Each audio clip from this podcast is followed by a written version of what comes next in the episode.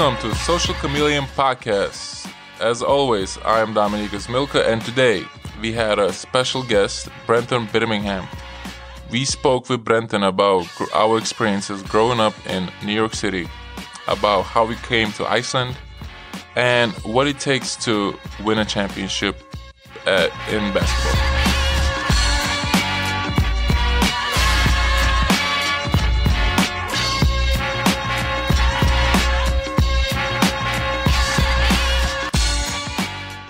For the 95 96 season.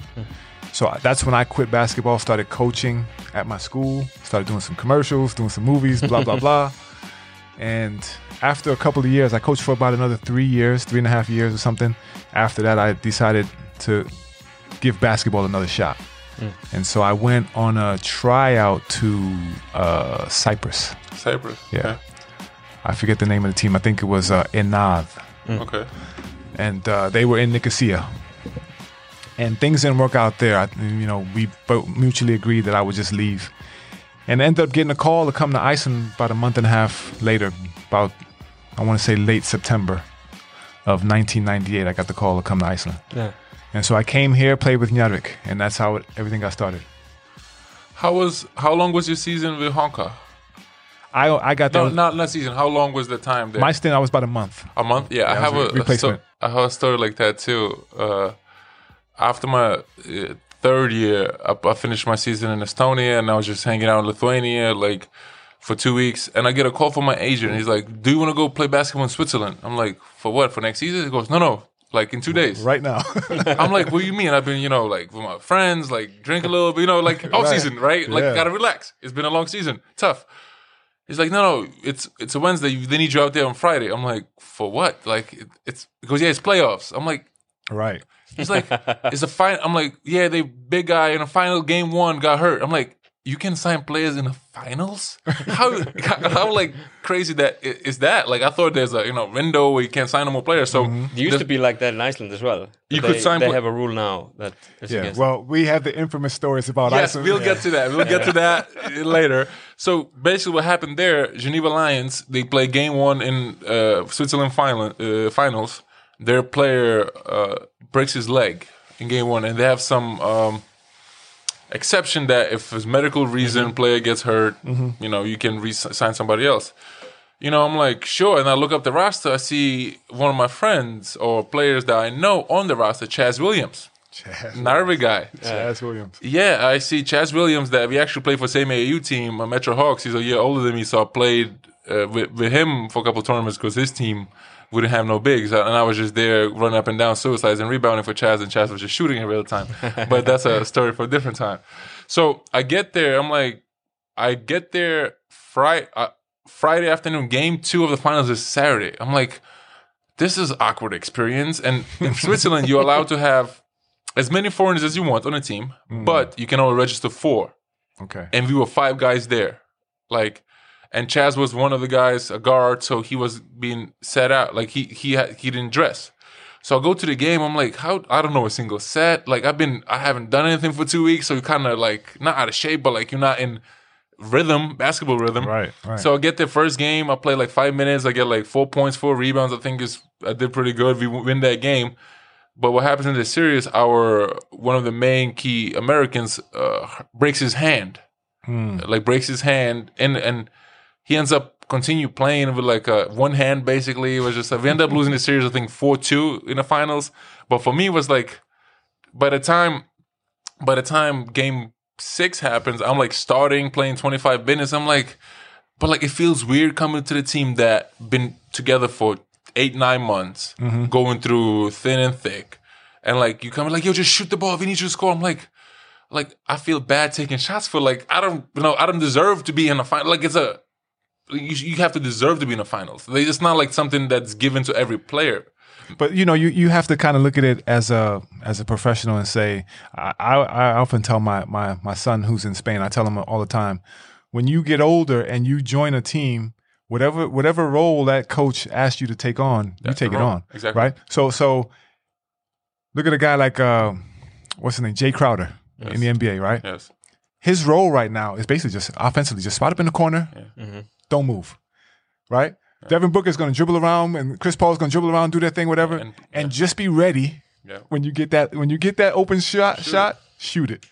So whatever role you're asked to take on, take it and smile because you know what they're paying you a paycheck. Exactly. and that's what that's what kind of you learn as you get older as a as a player. Like what LeBron would say, "Hey, be a, a superstar at your role. right, You know, exactly. be like Tristan Thompson, for example, another guy who I played with in high school. You know, with Cavaliers, his role was rebound, Yeah. play defense, and make a layup when LeBron passes to you. Mm-hmm. And he got a ring, or you know, Mm-hmm. That's it. to do that, and a nice contract, like I think eighty Got a something huge million. contract. Yeah, because LeBron, that's LeBron's Yeah. guy. Like Right. you know, and great for him. And that was one of the experiences. Like I was there for like two weeks. You know, I got paid. Like well, I was in Geneva, living kind of like enjoying life. Like Geneva in the summer is beautiful, and got experience. But that kind of like taught me how to like okay. On every team, your role going to be different. Yeah. Even on the same team, season to season, your role is going to be different. And it might, in order to like win, in order to benefit the the team as a whole, you need to kind of sacrifice. You know, Your if per- that's if that's Your personal interests. yes, because sometimes, like, if your role is, hey, everyone has a role. Hey, your role is to shoot twenty times a game. Hey, that's your role. But Be, if your be a master at it. Yeah. yeah. but if your role is, hey, we brought in three guys that can, you know, if you don't want to one guy scoring twenty, maybe your role is to take less shots, do something else better to benefit the team, and that kind of is a growing pain for especially I think a lot of Americans that Mm-hmm. come overseas because usually they were the man Right. Right. and they were man in their college, they were man, and they come in here and they like it takes some time Mm-hmm. to get used to that role. I think everyone take because European game is a little different. It's more team orientated than American game. American game is more And and that's what I was getting to earlier when I was when we were talking about the skills training and being able to have that skill set, but then being able to put into a certain be you know be put into a certain role that you can play well in that role. But if the time comes and you need to get a bucket and shake your man up, four, right, right, three, get a bucket. there you go, get a bucket. But during the, the flow of the game, I'm going to play my role. Exactly. You know what I mean? And I think those are the the teams usually that succeed the most or have a chance to win a championship because there's only two teams each year that have a chance to win a championship is the teams that figure out how to be a unit mm-hmm. like a close fist unit rather than an open hand unit because open hand hurts but it's not that bad Speaking speaking of this role thing, speaking of speaking of being a guy who can, you know, do do whatever on the court but fit a certain role. You guys have a guy on your team that's just like that Who? that I thought about last year. CJ, yeah right? yeah So I've heard talks about him last year. Uh, maybe after the season, maybe they need to get a better mm-hmm. American. And I was always saying, no, they don't. That dude can play. That dude can ball. He has game. Mm-hmm. But he seems to me, in my opinion, he's fitting a role. Mm-hmm. You know, he has Dom, he has Dean, mm. he has Hussey, mm. he has guys. So he so he seems to me like he's playing that role really well. For me, that dude can go. Yeah. And he's fitting his role. That's just my opinion. Yeah, and and I think that's one of the reasons we were we we, we, we, we, we have been getting success last two years here at Keflavik mm-hmm.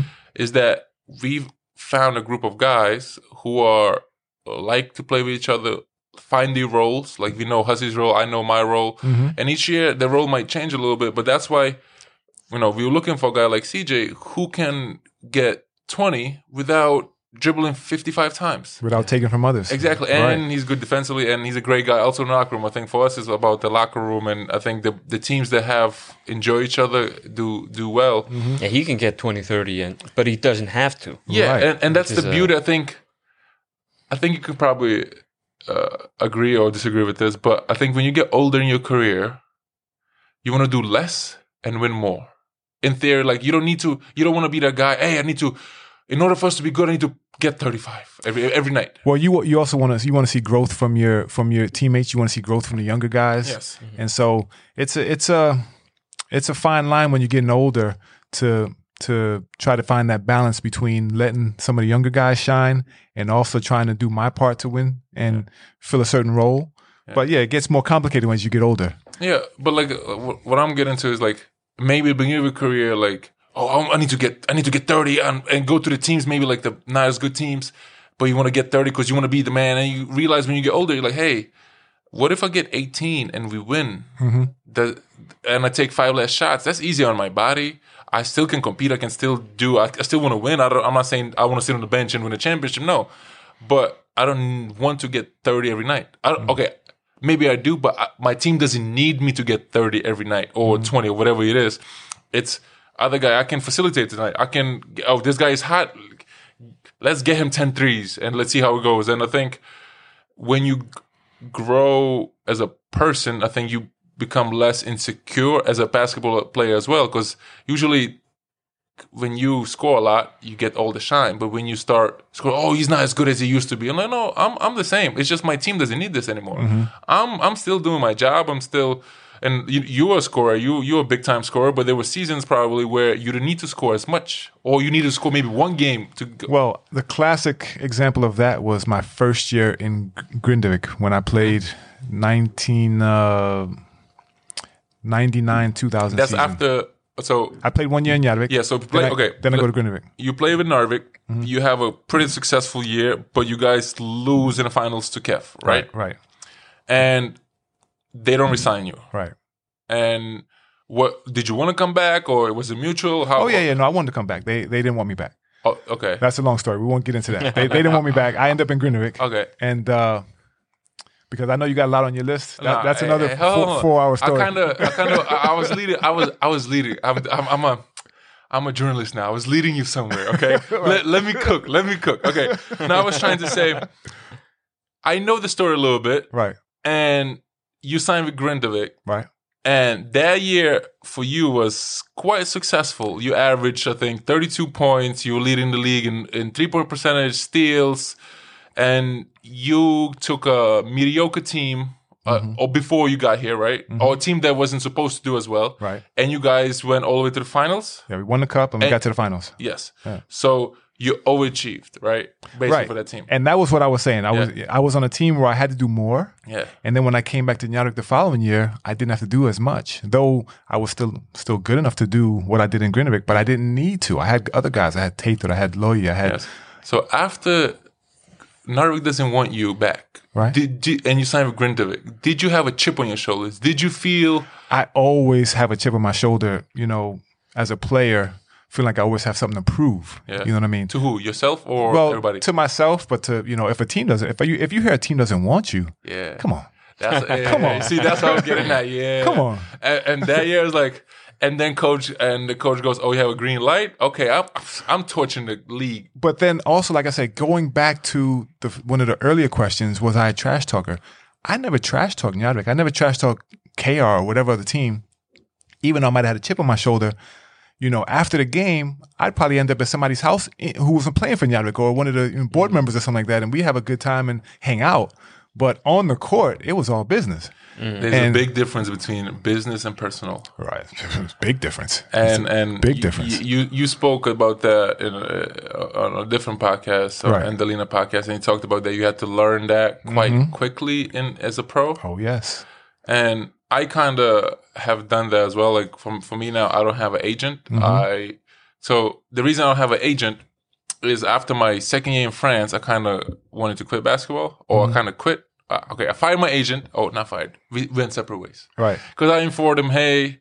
I don't want to kind of you spending time for me looking for a team anymore because I'm kind of thinking of going pursuing my my uh, job with my education, which I have bachelor's and master's in accounting.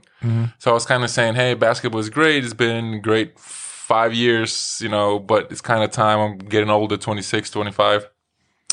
It's time to kind of, I know I'm not going to make NBA or EuroLeague because I'm realistic. You know, some people believe still, you know, you are who you are, right? right, right, right. we you know and i was like i was going on the interviews with kpmg i went to a couple of interviews as an accountant and and to and then out of nowhere keflavik kind of reached out like coach reached out he said hey come and i'm like you know keflavik this and that even though for f- three or four years my agent always said, "Hey, would you want to go to Iceland?" I'm like, "I'm not going to Iceland. what am I going to do in Iceland? Like, that's not good basketball. Let me go travel the world, like, see, you know." And I went everywhere. And but the coach was, hey, you know, we practice once a week, or once a week, once a day for 90 minutes. You, we're gonna help you to find a job with your education. So they were kind of giving me a lot of, like a lot of, uh, They're putting a carrot on the table. Like Exactly. ex- some nice extra- incentive. Yeah. Yes, and I'm like, wait. Uh, and then at the same time, like a month before, my agent got put me in contact with one of his friends who's a CPA who owns a accounting company who does taxes for all the NBA players and, and women NBA players and athletes. Because that guy was also a former player, and he told me we exchanged some emails, and he told me what he did was play in a lower level basketball, like in I think third or fourth league in Germany, and then intern and get a job with a accounting company. So he worked and then played as well. Mm-hmm. So he was able to do that for five or six years. So now you're building your resume Right. as a as a as a as a you know professional in, in the sphere, and you still do what you love, and you can still win, right? Right. So that was kind of like, wait, this is kind of interesting. That's why I came to Iceland and to Keflavik, and then it was really weird negotiating my second contract because you know actually our first talk with Brenton was when I came to to Narvik and our first talk yeah uh, when I came to Narvik and we, we spoke after my first year Right. and I said and even before that I spoke with the Kef board and I'm like hey guys I really like being here I like you guys but if this doesn't work out I want to be friends I don't want this to be like hey Dom is bad guy for not resigning because to me it's business and personal You put on different. your agent hat. You put on the agent hat, and then when you take it off, you put on your, your player hat or whatever else. Exactly like a friendship. Because, like I said, I like people. I try to be a decent person or a good person to most of the people. Mm-hmm. And it was very interesting, like negotiating with people you care for or like the board. Like, you know, you want team to do well. Even when we talked, like I told you, hey, like this is not personal. This is business. I have to make best decision for me and my family and my, I, I, I, hey, I know where you're coming from. Yeah. I signed an agreement with Njarvik on a piece of napkin yeah. Yeah. over dinner. so I, I know about being that agent for yourself and being a player as well. So I know where you're coming from. Yeah, and so, so yeah, so that's my origin story how I got to Iceland, and uh, so I got one more. Hey, I got one more year after this with after this year with uh, Kef, and we might have to be able to sit down where the microphones are off and talk. hopefully, Right. if, if I, I have no comment on that now. I don't want to get accused of No, okay, tampering or anything Okay, else. sorry. Okay, sorry. Delete this. No tampering. Uh, okay. Um, so after your after Grindavik, you come back to Narvik, Right, and you guys win a championship that year. We're, we're in two in a row. You win two in a row, but you win one as a American, one as Icelander, right? Right. And how did that work? How did you like? Why? Did, how was the process to get your citizenship? Um, I uh the process. I basically I was in talks with Njarvik and and basically I asked them if they would help me get my citizenship, and and they were all for that. So uh, they put in the paperwork and and did the things that they had to do on their end, and yeah, we played that season, um, won the championship, and then at the end of the season, I think I think what also helped was was uh um, some people from Calco. We also had some influence so that I could play with the national team. Yeah. So it's all about getting the right letters of recommendation and and Yeah. And uh, you know things like that. The right people in your corner. Doesn't hurt that it was probably an election year that year, so you know the right politicians want to want to want to get votes. their constituents. Yeah, you know, to. Yeah, right? yeah, You played for the national team, right? Yeah, had Yeah. ni- was 19, ga- 19 games. How was games. the experience? Yeah. It was great. Yeah, it was good. You guys won sil- gold medal or silver? We won the gold in the uh, Small Nations games. Small nation games. Yeah, Okay. 2006, I want to say. Yeah. Did you like? I always. You see, I, I'm unlucky. I was born in Lithuania, where national team is really good. Right. So I never got a chance to play for any national teams because 1919 1992 uh, year for all the youth, they won everything. They won every 16, 17, 18, 19. Does the name uh does the name Mindaugas Taminskis Yes. sound familiar? Yeah, I know him. He went to Iona. Yeah, yeah, exactly. I He's, played uh, against him. Yeah, he's one of the one of the best players, one of the best wings in Lithuanian history. I think Right. he's very. I watched grow, I watched him growing up, and And he played at Basconia. oh really? Yeah, he's, A, he's he's a really good player. Yeah.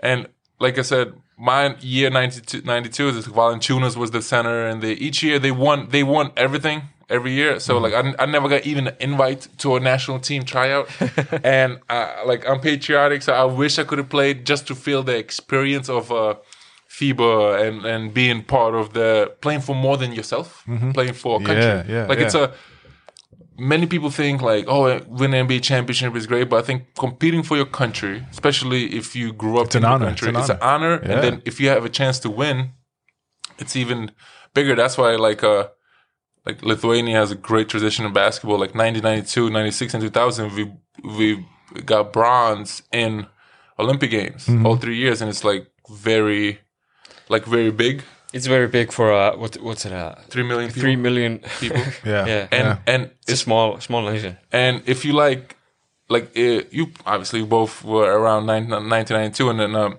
uh, watched the Olympics. Probably they actually beat in '92. They beat for the third place game. They beat the old Soviet Union team. Mm, yeah, that was combined together. Right. And there's a you know the you know the documentary The Dream Team, right? Of course. Yeah. There's a, another documentary called The Other Dream Team. Right. Right. And it's about the Lithuanian dream that because that, that was our dream team. yeah. Yeah. And it's a really cool documentary. I think I if, saw that. Mm-hmm. If you like basketball, because in US they had the tie dye skull, uh, the Yeah, yeah. shirts. Uh, there was a Ungrateful Dead, I think, sponsored them because they Mm-hmm. didn't have money as a young nation, and they were. And it's very interesting, and like Sabonis talks a lot. Like for example, he talks about like playing for Soviet Union, like. KGB will always go with them on all the national team games, or like all when you out Mm. the country. And like he said, when he came to the states, I think uh, maybe Atlanta. I don't remember which Olympics or World Cup or something. He said he wanted to go to KFC because he goes in Lithuania at that time or Soviet Union. There was not like chicken to to buy, right? Right. So he goes him and Chomicius or, or Marciulionis who play for Golden State. Mm-hmm. They go in a in a trunk of a Cadillac. Imagine a seven six two meters twenty two guy goes in a trunk of Cadillac, and I'm assuming back then Cadillacs were big cars and he was able to fit it. Right. To hide in the trunk, to go to KFC to buy some chicken, to eat it, and then go back and because they just didn't want the KGB following them because they had the agents, and if you talk with Americans, you get uh, like become a defaulter, and the Yeah. whole Iron Curtain is a whole. It's a really interesting documentary, and it's a for if you love basketball, that's a good watch, and it shows how like tough it was, how different it was back then in under Soviet Union and stuff like that. And after you get in, you, you get your passport. Is it that? Is it because you got your passport? That's why you try to go playing somewhere else. I think you went to France. Yeah, the thing about that is the thing about that is I had not even I hadn't even started looking into playing somewhere else. So we won we win our I get my citizenship after the first year. I'm playing as the American. We win the championship. Um, that was the year we beat I think Tindastóll finals. Oh, that's the year you had a quadruple double in, the Right. in the finals game. Yeah, that was that was my That's impressive. second quadruple double. that's very impressive. Yeah, thank you. Yeah. Quadruple. I had one triple double. I got it for first year. I, I was so happy. Quadruple double, not even close. I don't block shots or steal the ball, so, so it's, I can get one with turnovers probably. well, you know, I don't remember the first quadruple double, you know, vividly, Yeah. but the second one I remember because it was the finals. It was the last game of the of the finals. We wait, won- wait. It was the last game of the finals. it was game four. We we we clean, we won the title in game four, and that And was you it. Wow. We actually were up 2-0, and we had game three at home to to win the title at home, and we blew it and lost. So you had to win in Skavedur. Right. So I'm pissed off, and I'm like, damn, we got to drive all the way back up there, you know, Yeah, whatever. annoying. And then we go play that game, and I end with a quadruple double. So then, in hindsight, it was a good thing that we lost game three. How was how was the how was the trip home? that was fun, probably on the, on the bus and Yeah. you're ah, going crazy. Yeah, like, it's, it's fun. yeah. But getting back to quadruple double, I remember that game so much more. That's the game that everyone always plays on videos and things like that. But it's almost like, you know, we talk about that quadruple double, it's almost like I was wearing a Tindastóll jersey because they were basically just throwing the ball to me. You know? You're like, wait, you kind of like jump like, wait, why why is the ball in my hand? right. I mean, I, I know I was probably in good defensive positioning or whatever, but it was almost like they were just throwing the ball to me, and I was like, "Damn, another another steal." Yeah, so you end up going to France and Right. I wasn't looking. Oh yes, I was getting into that. After that season, we win the second championship. I hadn't even started looking into jobs overseas yet. I got contacted by this team in France. They had apparently saw my video. it was a Pro B team. Right, Pro B team. They had they'd apparently seen my video, uh, and or saw me on a videotape that they had gotten their hands on, and contacted me themselves, and and they basically told me that they had a, a job offer for me, and they offered me a contract basically right away. Did, did it take you a long time to decide yes or no, or was it like I want to go, I want to try something else? Well, that- you kind of achieved a lot in Iceland. You won two championships. You kind of like ah, I want to try myself in different shoes. Well, that that was um, that was that was my only that was my first offer, and it was my basically only offer. So wait, wait. Narvik didn't offer you after winning two championships. No, they, they knew I wanted to go abroad. Oh, okay, they knew. okay, I mean, okay. it was it was it was a no brainer if I wanted to stay that I could have stayed in Yarvik, but they knew that I wanted to go abroad, and this offer fell into my lap, and it was a decent offer. It was France. It was Pro B, Mm. so Pro, Pro B for an aspiring you know Yeah. ball player is a good stage For sure. Yeah. to play on, and to be able to the next step would of course maybe get to Pro A, Yeah. and then see what happens after there. But And it's France. It's different. right, France is different. Yeah, so that kind of fell into my lap, and I jumped on that. And your career there, like your stop was kind of short, and it was. Uh, I played one season. You, played the whole season, but it was kind of hindered through, with injuries. My back bit. injury. My back. Yeah, yeah. and you, you uh, can you talk a little bit more about that with the injury? my back started acting up uh, towards that last championship run in Yarvik, Mm-hmm. the second, the second of the back to back. Somewhere towards the middle to late in the season, I started getting back. I don't know what. So wait, spasms you had or- a Yeah. quadruple double with a bad back. So if you had a good back, you would have had like twenty. no, steals. well, well, eh, no, I didn't feel it then. Oh, okay. That was the first championship, Oh, okay, okay. and then the second year, the second year, somewhere towards the middle of the season or towards the end of that second season, is when I started feeling back problem, back problems. I would maybe go out for a jump shot, and I get a sharp pain in my back. I'd fall on the floor, and maybe be out of commission for three or four days, and I started to get progressively worse mm-hmm. as the season was going on. So by the time we got to the playoffs, I was basically basically, if my back was out, I was useless. You know, I could barely walk. And then rest for like a week. so and you then I could wouldn't practice much. That I wasn't practicing much. To the games. And then I would show up to the games and I would play. Yeah. And I didn't know what was going on, so I was going to get all kind of treatment and therapy or whatever, Taking some probably Taking- take- stuff, yeah, take, you know. like Skittles. taking all kind of stuff. Like I know, that, I know right. that feeling. You know that I- feeling, I have, I have done that. right? So then after this, after we win the championship, then that season, then we then um, I go play with the national team, and my back is bad. We're playing in we were in Norway for the um, Nordic Championships, and I had already signed a contract at this point. This, I signed my contract with the team in France, and so after the the national team. I come home to Iceland for a little bit, and then I'm getting on, getting ready to go to the plane, get a, uh, go on the plane to go to France. And as I'm lifting up my bag, I do something in my back kind of, and I'm like, uh oh. And I kind of knew then I'm in trouble. I get to France and I could barely move, could barely walk. Yeah. I, I did something lifting up the bag to aggravate my back. And so the first couple of months in France, I got there, I want to say in August maybe. Yeah. And I think the season didn't start till like October Yeah, probably like starts late. They starting like now. Right. So that first that first uh, couple of weeks, Training camp probably. I got there. I was out. I got there and I was I was off great off for like two weeks, what ten days or whatever. Then we start playing and I'm getting myself back into shape and I'm playing really well. And then my back goes out again. I'm out for another ten days. Back on the court playing well, and that's that's when they really kind of liked me as a player when I was playing well. And then my back would go out. So it got to a point where they're like, okay, now the season starts, maybe two or three games, four games into the season, my back goes out again. And then they, they say, okay, listen, we're going to take you to a doctor, get an MRI, see what's going on. And that's when they figured out, okay, he, he needs surgery. yeah. Mm. So they basically gave me an ultimatum. You know, you can stay here, get surgery, or we're just going to release you. And I was like, well, Might as well. might as well. so I get surgery out there. They did some non-invasive surgery where they just, they didn't have to cut me open. They Yeah, it's just, like a laser, endoscopy kind of thing. Right. Mm. And so they did that, and and but they basically ruined me after that because the, the reason why I only played one season in France was because rehab. they didn't give me proper rehab. Yeah. And that's like a big thing. I think it was much better because this was like early, like mid two thousands, right? 2002, 2003 season. Oh, so early. So this is early two thousands, and I think since Terrible the- rehab. Yeah, even even in NBA and stuff like that, like it wasn't as much rehab and strength training wasn't as popular. Like even taking care of your body properly as much as it is now, you know, in comparison. Uh huh. And yeah, after you said you had a brace or something like that, right, for Right, a while. And right. In your you know rehab, that means your back muscles are kind of weak and in the in the brace, you don't use your muscles. so if you don't use your muscles, you lose them. And so I basically the muscles atrophied. I didn't have anything in my back.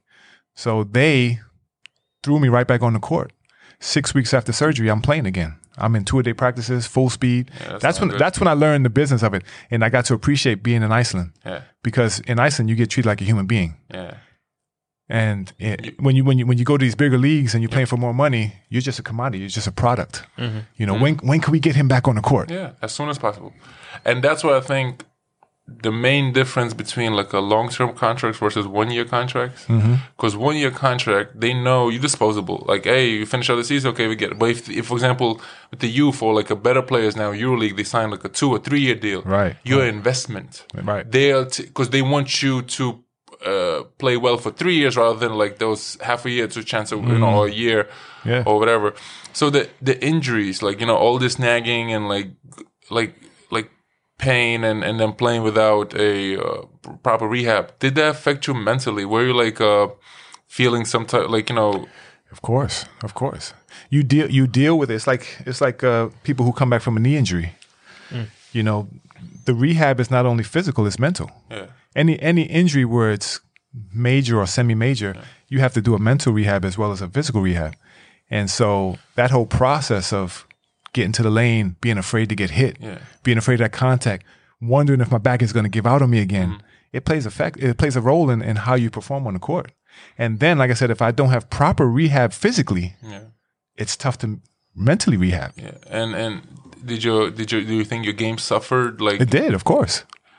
and how did you deal with it like you know because like there's a lot of bad examples how to deal with it you know like a, like plenty of stories of people abuse of substances a certain Right, way right. because it's hard sometimes and i think a lot of people especially outside like fans fanatics you Mm-hmm, know they don't know what's going on in a player's life or injury nagging or something or what's going on they, Mm-hmm. Yeah. they can be quite harsh Yeah. and and I think that doesn't help the mental health part of the the player. And how did you deal with it?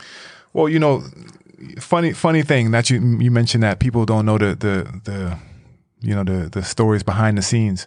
Going back, just let me take you back real quickly. We're playing Tindastóll in the finals Yeah, that first year. yeah, I get the flu. So so we win game one at home. I get the flu. You know, whatever flu, forty eight hours. You know, flu or whatever. I'm like weak. I'm I'm feeling like I want to pass out. Mm. But we're going up to game two, and I'm in the car driving. I remember they they they got like a the, the chairman of the club. He had, he had gotten like a Land Cruiser and let me sit in the back and lay in the back and just kind of relax or whatever. We go up there anyway, and I'm like about to pass out during the game. End up with a triple double, but it's a it's a quiet triple double, ten points. You know, whatever you did your best. did my best. Ended with triple double. We win. We're up 2-0. I come home. People in my ear, man. Fans are killing you, man. They're saying, "What's wrong with this dude? He he he only scored ten points." And I'm like, "Oh boy, oh boy." And I think I think that's a I think that's kind of like Icelandic thing a little bit because in Iceland they tend to oh you're not scoring you're not doing anything for the team. Mm-hmm. Like you can have you know eight points. 15 rebounds, 10 assists, and like five blocks or whatever. Mm-hmm. Yeah. And they're like, wait, you scored only eight? Oh, man, you right. suck. I'm like, wait, my, my plus minus is plus 30. Like, Yeah. with me on the court, I was doing great. Right. The team was doing great. I just, when I first got here, when I when I first got here, I used to always have a joke. I used to say that Jason Kidd would come here and get get fired within two weeks. Yeah. they have their joke. There, there's a lot of jokes like that in the team too. Like even LeBron would struggle, like because it's different. Like We had it yesterday. Keflavík Stjarnan. yeah, Hörður Axel scored zero points, plus 20 on the court. Right. yeah, Yeah. Well, the the, the, the the plus the plus minus thing is deceiving. Yeah, But you got to look at a guy's uh, his, his efficiency. You know what I mean? So the plus minus is because you could be on the court just kind of facilitating, yes. doing not doing much, and your team is playing well. Yeah. You you go on a run where you just killing guys. Yeah. But the efficiency, how is a guy performing? Is he is he efficient? I always say, is a guy when a, a, a when a guy goes on the court, just don't hurt the team. You know what I mean? Don't don't bring the team down. but it's also gotta understand that there's more to the game that even doesn't show up on a stat sheet. Of like, course, of like course. rebound, sta- like Defense. defense. Even even like you might not get a rebound, but what if you tip out the ball four times to your to your teammate that gets the credit for the offensive rebound, but you created extra four possessions. Right, So right. to me, I look at like even offensive rebounds. So like most of the games, I think in Iceland, just say decided by three possessions, like good games, right? Mm-hmm, 3 possessions or less. That that's nine points. But if, if if if you can create five extra opportunities for your team Mm-hmm. without you getting on necessarily, or even you fighting with a guy, he tips out of bounds. Nobody gets a rebound, nobody gets nothing, but you get an extra opportunity for your team to get a possession. And now you create five of those, you score on three of those. That's a ball game. the the real the real basketball people, the real basketball minds in Iceland can appreciate those kind of players, and they can they can speak speak truth to those kind of players without bringing them down and saying like a guy like Hussey only scored zero points.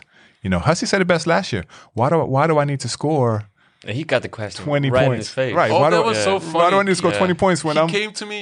He came to me after the game. They asked me this. I'm like, wait, are they joking? We just put up 105. I think it was like we scored like Right. 105. I'm like, wait, so if you scored 20, we get one. But like, what? What is this first to a thousand? Like, no, the game is like yesterday. We, uh, for example, we scored 80 points and. That's we gave up 65, which is pretty good defense. You don't need to score a bunch of points, Mm-hmm. and if you score only 80 as a team and you rotate nine guys, everybody can't get 20. If you, everybody gets 20, that's 180. It doesn't work like me, that. Let me put some defenses up for the Icelandic people here. Uh, for for decades, uh, we only had the newspaper. right? Yeah, we only had like who Box scored score. and how much. Yeah. Uh, it's only been uh, Yes, That 10, showed 10, 15 years with the internet. Right. We have more more stats given Yeah. to us, and, and that that show because when I first came to Iceland, it was like that. It was just yeah, a paper, Yeah. and so you had a guy who scored, you know, twenty five points.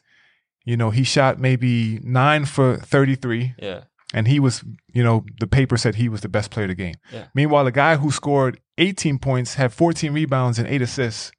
They mentioned him, but the, the, the you know the, the best player of the game was the guy who had twenty five points. Yeah, but like you said, the best thing is just like the fans are gonna be fans, Right. and like you know, the more educated fans, or like the more educated people in basketball, they are they can appreciate the minutia of the game, like the little Right. things and Yeah. the see little things. yeah, But like, but the you know the fans, the the regular fans, the casuals, you know, like they Yeah. just come in when the team is doing well. They're gonna be mm-hmm. like, do good, you know, they're gonna be happy. But like, I think it's still people can be harsh on athletes in general. Not Yeah. even Iceland. I'm talking in general. Like that's how it is. it's But growing up in New York now, we're used to that. yeah, we are used to that, but it still can. But also growing up in New York, we- we're not used to talking about like how it affect as men how it affects us mentally, right? Yeah, yeah. As men, like you know, you you're African American community, like it's similar to Eastern European community. Men is tough, be tough, don't cry, you're not a girl. Right. Be tough, be be less emotions. I'm like, no, we are human beings, right? We athletes. Like sometimes, if a player is playing bad.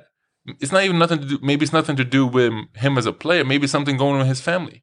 Mental health, mental health is, is key. And I think important. now th- that's one of the things that I, I like talking about on this podcast is like mental he- me- mental health because it's it matters to Yeah. Mm-hmm. people. Like you don't have to be an athlete either. It's a especially in Iceland, it's kind of dark, dreary place. It's not much sun. kind of dark. kind of Wait, we get sunny Kef. We get a bunch of sun. sunny calf. Okay, sunny Njarðvík. Ooh. So so uh, fast forwarding yeah. Back to France. Yes. I'm I'm going through, you know, zero rehab, and I made it. I just crawled my way through the season. I, like I was taking my painkillers, I was taking my anti-inflammatories, I was taking my muscle relaxers, and it was just a focus on trying to get through each practice. It wasn't even like a it wasn't even like a game by game situation for me. It was just a practice by practice. I had to get through practice. You talking about practice? We're talking about practice. Not the game of love. We're talking about practice. We're talking about practice. I had to get through practice. I was I was trying to build my mind up to just get through a practice. Yeah, one, one day at a time. And one day at a time, I'm taking taking whatever pills I need to take to to uh Ease up the pain. ease or- up the pain. help. Luckily for me, I wasn't taking any strong stuff. I wasn't on any kind of morphine level t- kind of stuff. But you know, I was taking like the usual, you know, ibuprofen and Like stuff like that. through my career, I've seen people take the like shots, like especially like the right. the, The steroid shots. the hormone, yeah, steroid hormonal shots, just Yeah. to I've been there. I've been there. exactly. That's what I'm saying. That's and that can be healthy for uh, your body. Well, those in the long those, run. those steroid shots, from my my experiences, they don't solve the problem. They No, no, just they- numb the pain. Exactly, and that's with the problem is uh, we had Cyber before here, and we spoke about that. Uh, when you're not you're not uh, fixing the problem, the pain will always w- will come back. It's just you, it's just a uh, short term, short sighted uh, solution. Right.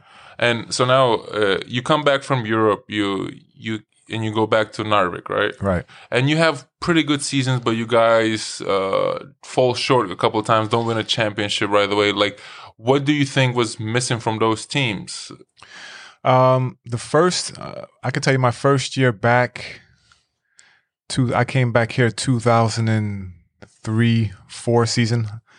And for me, I, that season for me was just focusing on getting my body right. Mhm. Um, it took me it took me most of the most of the um, winter, the most of the season to just get back to feeling semi normal uh, after after not having any back muscles. It, it took me a while to just adjust and, and learn how to and that whole mental rehab thing was going on that year. So we had that was 2003 2004 and uh, we made it to the playoffs. We made it to the to the semifinals, and I'm not going to get into any details, but we got robbed in the semifinals. We should have made it to the finals. Uh, we had Don't we, they all say that? the, the, the, yeah the, the, the team that we were playing got a little assistance, and that's Oh, all I'm going to say. Oh, that was the story with uh, signing a player, right? Like, No, no, oh, no, that's not that different story. Okay. and it- anyway, they got a little assistance, you know, and, and they made it to the finals. Uh, Snæfell and Okay. and and uh, Kep- Keflavík won. Keflavík Keflavík Three won years that. in a row. Keflavík won. That was Keflavík when they when they, they went on a three year run. Okay. and they won three years in a row. And then my uh we we 2005 2006 season we get a guy named Jeb Ivey, Mhm. and he comes and we had a damn good team that year, and we get over the hump. So you your last championship one was 2006, when you had it. 2006. Yeah, Okay. That's the last title. that's the last Icelandic championship. championship. Yeah, For Njarðvík. Yeah. yeah. Okay. And so, and you play more years, a couple more years after that, but you never get to that, you know, to win it all again. And No, So, like, do you think you made it to a total of seven finals and won three, right? So, Yeah. So you lost more than you won. hmm Do you think losing in the finals takes away from a player's greatness or players uh, like uh yeah, like greatness in a way? Well, I, I kind of, I kind of laugh at that that uh, whole theory because you look at LeBron, he got there what ten years in a row. yeah. Yeah. Do I don't know? Do people realize how hard it is just to They get don't. to get there? They don't. just to get there. They don't. You know, you have to you have to have a lot of factors play into.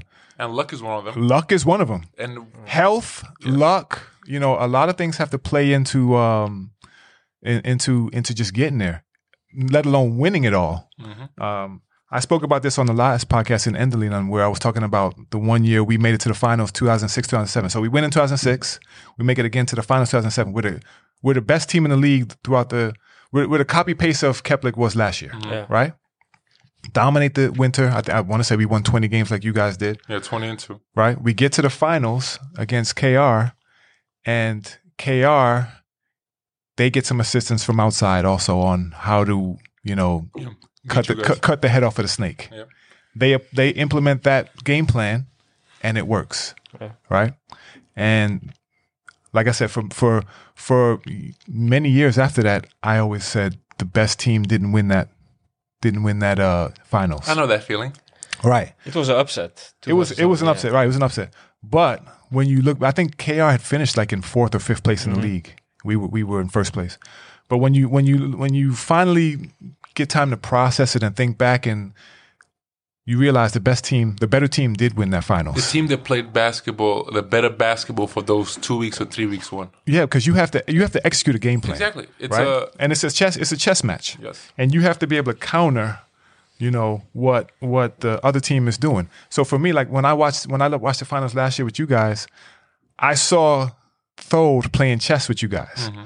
oh let's back off of Deane Yeah. you know let, let's do different things and let's kind of get in their heads and see how they're going to counter Yeah. right let's draw Milka away from the basket Yeah. and let him slide his feet you know things like that There's different things, and there's and you've probably seen the adjustment in game three, and and there's adjustments, and but that's there's like I said, the people that understand basketball see all of this, Mm-hmm.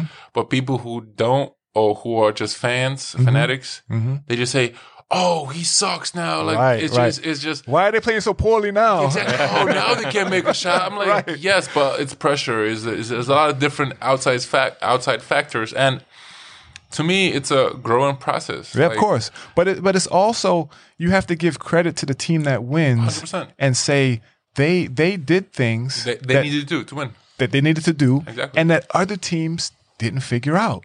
You know, no one else Or, figured it or out. figure out too late. Right. So that KR team that beat us, they they figured out, well, like I said, they they got, you know, assistance with that, but they figured out how to cut the head off of the snake. Mm-hmm. And they, we won the first game. They beat us three in a row. Yeah. you you can't say you're the better team if you lose three in a row. Yeah. We so I had to you know accept that. Yeah. So my next question is: Would you rather not make playoffs or lose 3-0 in a championship? Oh, I wanna I wanna get to the finals and and have a chance. Yeah, I, I, I, I'm agree. I'd rather lose in the finals and swallow that tough pill, saying, "Hey, we just didn't have it this Yeah. time, and at least we, we we got here." Guess what? I wanna get all there. the other teams, all the other teams in the league, been on vacation for a month now. Yeah. So so you you know I, like I said I've been there seven times. Yeah. I lost four.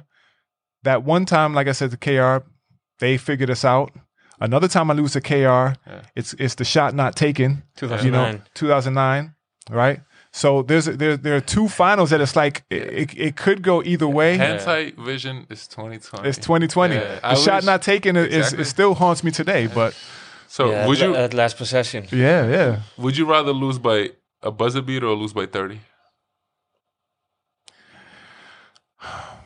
Eh, you know, I, I'd probably say I, I'd probably like I said once again I'd probably say buzzer beater only because that means that we were right there, and and you know for for for a few seconds you might feel like you know you could celebrate. Classic example. The cup game that I played in my first cup game against Kef, 1999. Both teams celebrated that title. Yeah. Have you heard that story? Yes, you told that story on the Angelina. Right. Uh, and what was that like? W- Was there like a They- missed call or No, they were they were winning by eight with about thirty something seconds Oh, left. and they were celebrating. But- oh yeah, f- they were celebrating. Njarðvík fans left. Wow. They were Njarðvík fans that left.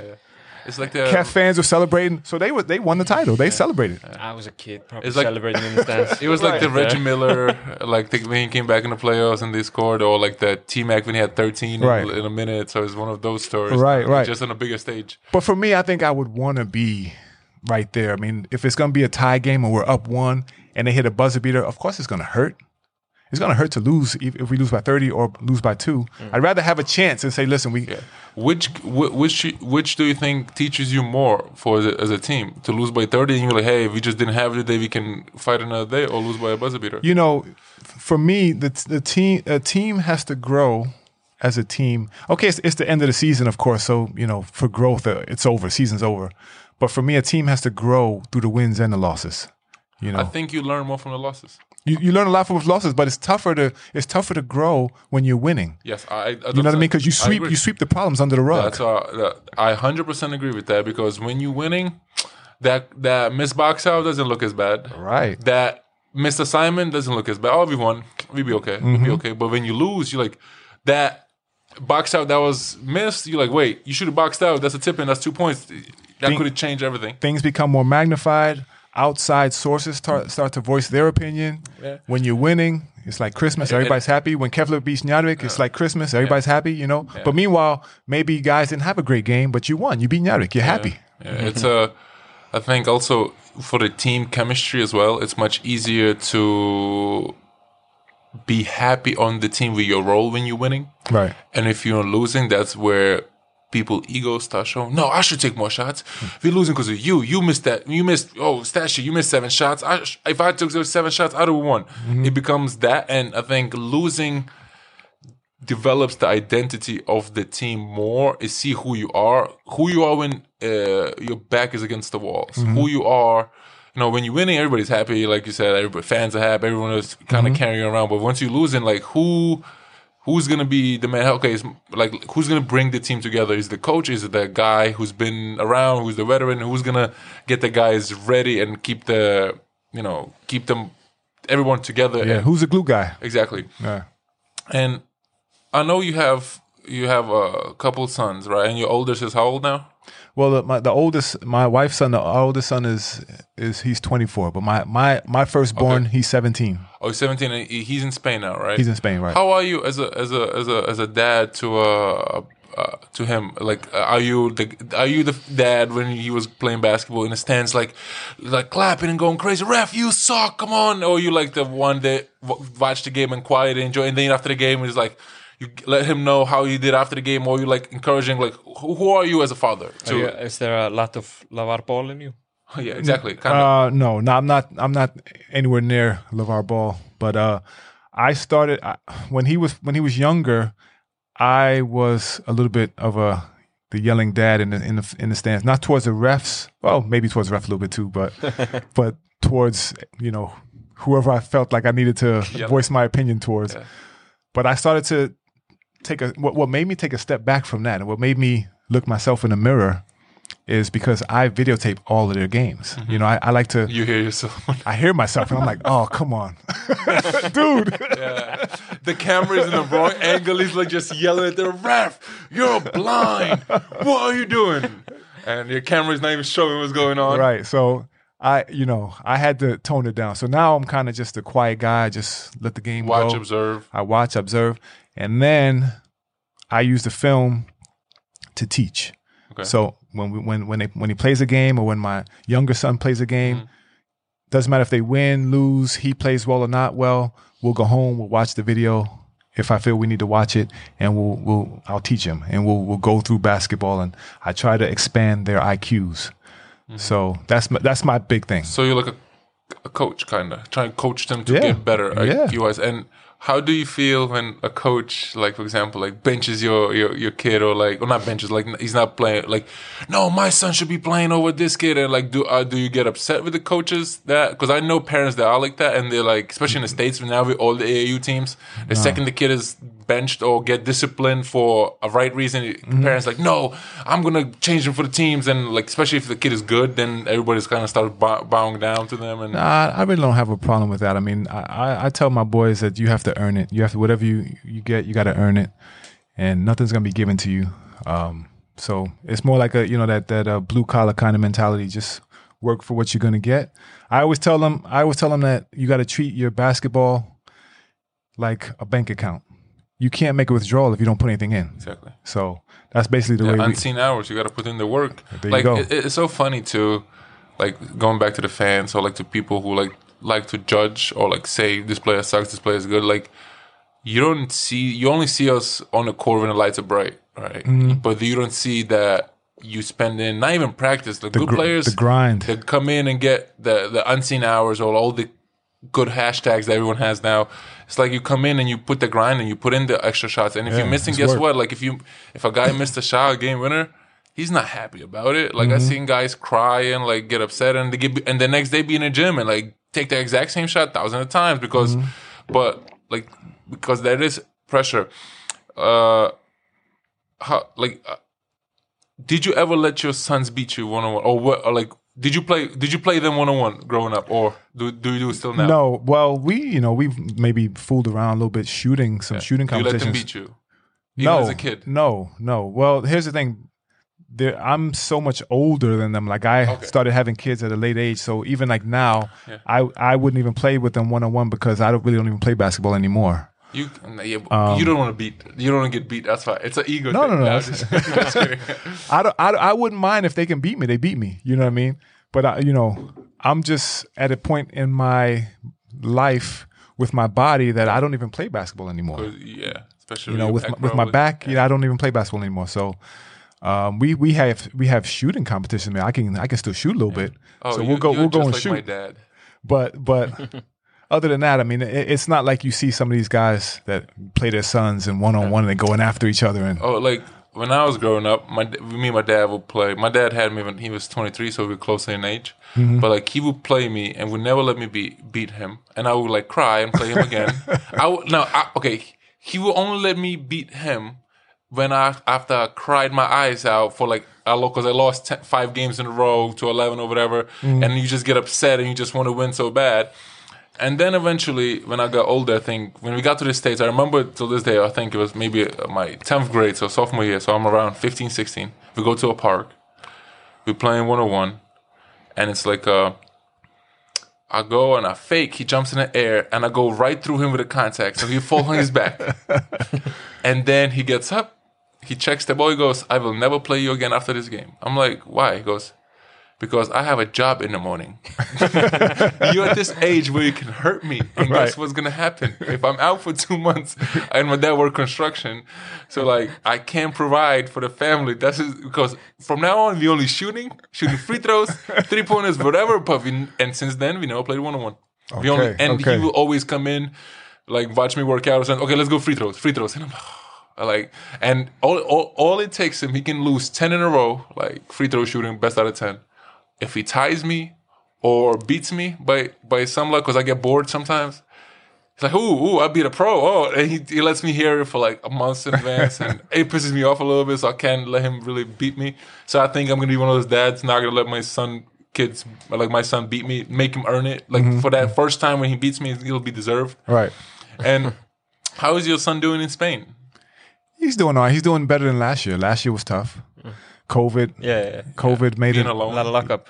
Well, the first year leaving home, um, leaving the family, leaving the friends, leaving what's comfortable, leaving the comfort zone, it was tough. Then going to the Spanish, you know, basketball system. different. That's a major, major adjustment. And him only being what 15, 16. He wa- he was just turning. He was 15, about to be. He was you know he left when he was about to be 16. yeah. So he was young. Um, of course, people people thought we were crazy for, for letting them letting him go, but it was a it was a big opportunity, and he wanted to do it. I always told him, you know, make sure you're not going for me or for your mom. You're going for yourself, and mm. if you don't want to go, you don't have to go. And he was he was gung ho. He wanted to do it, and he did.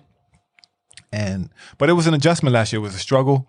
He went to school. They put him in a school where, of course, it's all taught in Spanish. Mm-hmm. So he didn't know a word of Spanish when he got there. Mm-hmm. He's So- so- speak- speaking Spanish now. He's speaking Spanish Yeah. now. His schoolwork suffered. The basketball was an adjustment. When he left Njarðvík, he was the fourth. Sorry, he was the tallest player on his team and one of the tallest in the age group in the country. When he got to Spain, he was the fourth shortest. Yeah, because Spain Academy, they'll, they'll get the best athletes and the Right. best kids and Right. the talent pool. So you're talking about a major adjustment. You talk about the level of physicality. You know, then they have these guys on the team, you know, that are just built like men. yeah. You know, like they'll have some uh actually i think it's proven or like usually the uh, southern europeans warmer country climate kids develop faster than the colder climate kids because like when when you look at look at any U18 like U16 Turkish team. They'll play and like against Lithuania for example. Lithuanians look like frail skin and the Turkish guys have beards already kind of growing in. Like wait how? U16 let me see your passport kind of thing. It's a a lot of them like Spanish. You like you'll see these guys be like grown men like you said and they compete I'm like oh, where is this passport like well, they, they, you know, they have guys from all over the Yeah, world. exactly. They have they got have guys from Africa. They have guys from Argentina, Brazil, Baskonia is a, is Yeah, a big best of the program, right? Baskonia is huge. Yeah, They, they won the Spanish, uh, at least the Two years senior, ago. senior team won the, Yeah. won the title. they're they're the if I remember correctly, the third winningest Yeah. le- uh, team in the league. after Real Madrid probably The and- two, the Barcelona. Barcelona and Real Yeah, Madrid. exactly. Baskonia is. I, I actually didn't know when when I heard you know Baskonia was a team of interest. Looking at my son, I was like, "Who's Baskonia?" Mm-hmm. And then and then realize, come to realize later, oh, Tau Vitoria, Tau. Yeah, exactly. It's, it, they changed name. They I changed remember name, Tau yeah. Ceramica. I remember them. Tau Ceramica, yeah, played right. For EuroLeague many years. I remember Tau because, like I said, Mendagas played for Tau. Exactly. But you know, Baskonia is the name of the club, mm-hmm. and they're, they're located in Vitoria, in the north north part of Spain. But this year he's doing a lot better, mm-hmm. and and you know he speaks Spanish. He's his body is is he's filling out a little more. He's getting stronger. And I think it's a big difference what, and I, it's probably one of the things that you probably wanted him personally to go to a program like this because develop development will be much faster and bigger because you're competing against better talent. Yeah, but it's the stage also. The stage is. I mean, he played it. He played. it- He played in the junior championships, the Spanish junior championships last summer or last June. I mean, against Real Madrid, they played against uh, uh, Ju- Joventut. I mean, Real Madrid. I was saying, I was joking around the other, uh, telling somebody about this. Real Madrid has, you know, potential lottery picks, Yeah. and then coming off the bench are you know potential second rounders. yeah. Into, into the NBA. you know, into Yeah, the NBA. Yeah. That's the kind of le- le- you know talent pool that, that he's playing If against. he was if he was a little older, he could have played against Luka. Right. Exactly. Like and you, like just Luka example, like you know, like he started playing with the men's team like Mm-hmm. at 17, 16 years old, and I think like even probably if not this year, next year he he might go to get practice with the men's team and Mm-hmm. and that experience is the development exp- it could be exponentially faster than in Iceland because Iceland doesn't have the same facilities or infrastructure that Right. it, it, Baskonia or e- many other the pyramid uh, best pyramid uh, clubs in Mm-hmm. you know in Europe. And I think that's uh, I'm happy for him and I, I hope he you know can develop into a very good player where Ah, he can appreciate that. play around you know the world and and, and help the Iceland uh, to go back to the, you know Euros and Mm-hmm. or That's the goal. The goal. The goal, of course, is for him to develop as a player and to. Uh, also I think sorry sorry to interrupt I think No problem. experience like this grows him as a person even more exactly. I think that's I think that that is probably the most beneficial thing because just being because I'm like a kid like that too. I'm 13. I went to the states at Yeah. 2014. That culture shock and for him was kind of a little bit culture shock too because he's different and I mean, he he- he has to. He had to mature faster, much is great. faster. He if he had a problem, he had to deal with it. If he had a Listen, problem in there's no school, mom or dad waking up at Right. eight o'clock to go. This, you know, he probably has food, like you know, like they feed him in the cafeteria, but still in the morning, if you want to make something, you hey, like you got to make something. There's no mom and dad taking care of Mm-hmm. your laundry and stuff like that. You have to become you become a man faster, Yeah.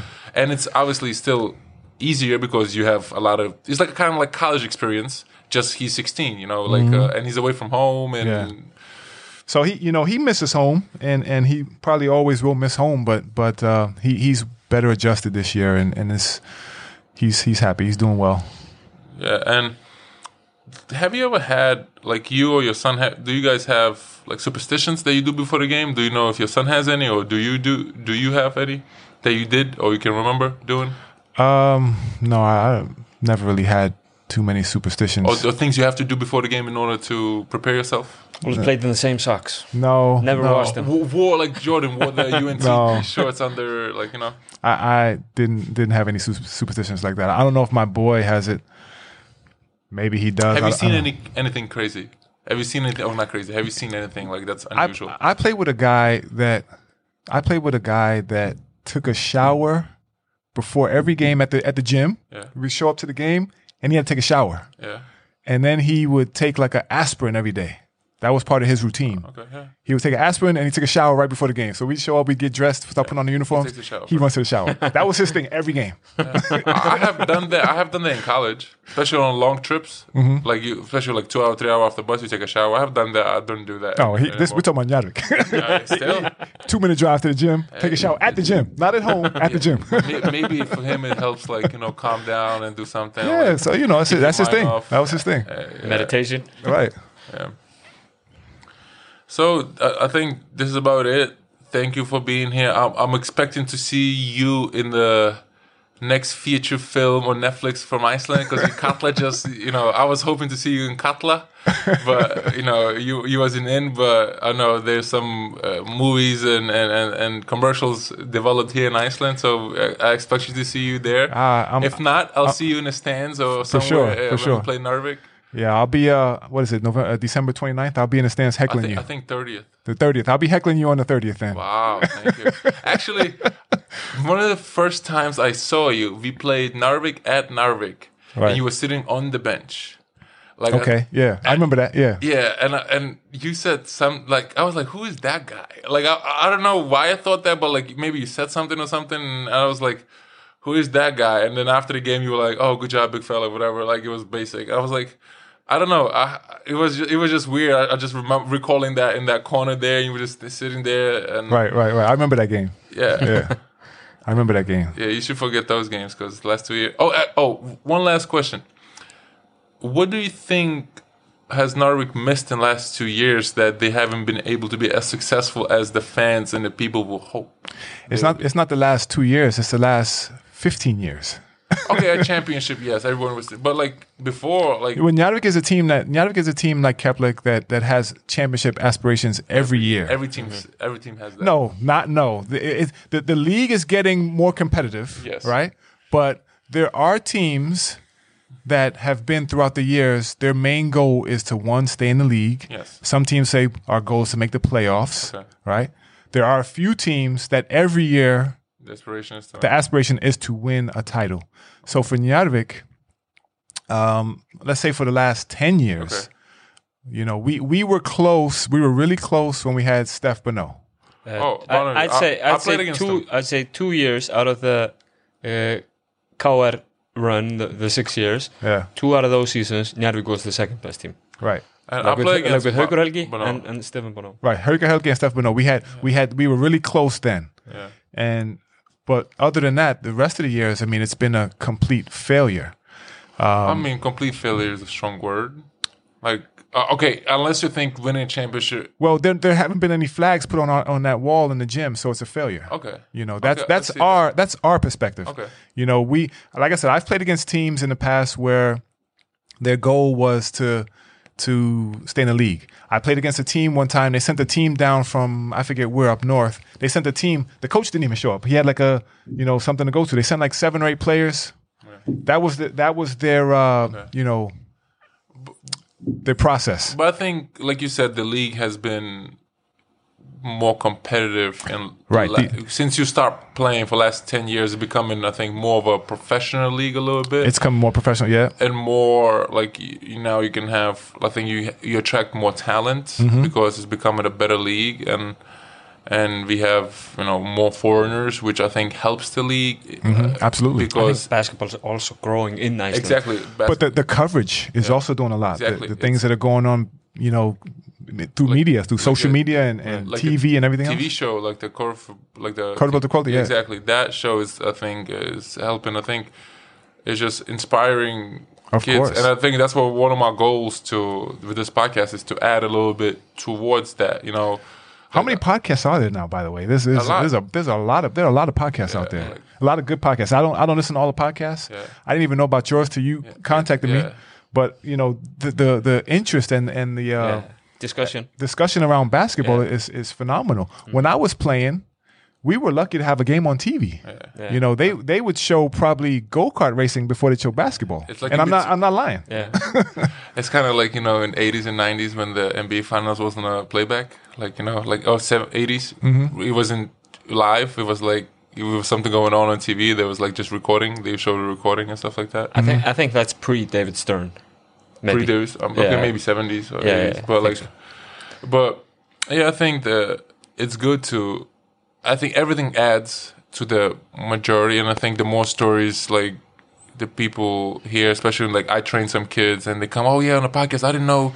You know this guy, this you know, because they get to know, like even you, like most of the guys don't know you unless they're uh, older. Yeah, yeah. Like most of the kids. I'm old are- school. I'm old uh, school. yeah, you know, but like, like you, one of the, you know, uh, like it's been said, you're one of the goats of the Americans that ever played here. You know, and some people take you, some people take other players, and Mm-hmm. It's a, it's all about opinion. yeah, It's, I mean, It's definitely all about opinion. it's all about yeah. people, uh, or who you root for. You know, Yeah, and yeah, yeah. the people, So that has something to do with it as well. especially especially in this peninsula. Right, right, right. Yeah, but I think it's a like overall, it's Icelandic basketball is in a pretty good place. Very good place right and now. we need Yeah. to you know i want to be part of it myself with as a player and as a media personality now i guess if a podcast counts as media to grow and, and help the the future generations to do, do the same i think it's Yeah, yeah. through learning and and inspiring the youth to do you know to f- pursue basketball instead Mm-hmm. of uh, f- soccer or, or, or handball or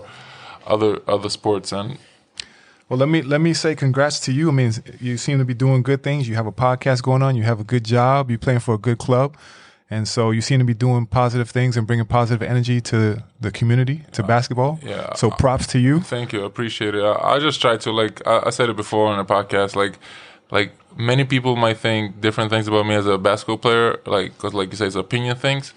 But I just want to be like known as a good person. Like I mm-hmm. think that's more important than athletics. Like, hey, mm-hmm, every, you mm-hmm. know, it's some players are better than others, some that, but some great players are not good dudes, and I, I want to be like a good dude and you know, inspire somebody because it, might, it might take one or two. Just oh yeah, I remember when Milka with Odom was playing. Like he was my favorite player, and like he helped me to get Right. to where I'm at now. And Right, I think overall, I think that should be the goal for most of the people. Like obviously, like players like LeBron and stuff like they can do it on a thousands and million scale. But I think if even if you inspired five to ten people or kids to be the best they can be, it doesn't have to be in just basketball, just a good person. I think that's uh, important, and that's a that's like I said, the message be- behind this podcast and stuff like that. Mm-hmm. And shout out to my guy Kjartan Atli at Still Tour. He's doing big things over there too. Oh yeah, so I got to give oh, him. yeah, I, had got to give him a shout he out. had me on the show before. I kind of liked it. He said he's gonna have me back, and never had me back. So yeah, uh, hello, I'm a media personality now, so please have no. When, when, when- when we talk about you know uplifting the basketball, Yeah. you know whole scene and and what's the the conversation of basketball, he's doing big things and Mm-hmm. and uh, he's one of my guys. Okay, so once again, thank you, thank you for coming, and and hopefully in the future we can have one with your son and with his experiences and stuff like that. Yeah, for sure. Because I think he's. Uh, he can say a lot about his experience in, in, in, in Spain and stuff like that. Yeah, he'd definitely be up for it. He'd, he'd be up for it. But thanks for having me, and Yeah. uh, my pleasure. Uh, okay, perfect.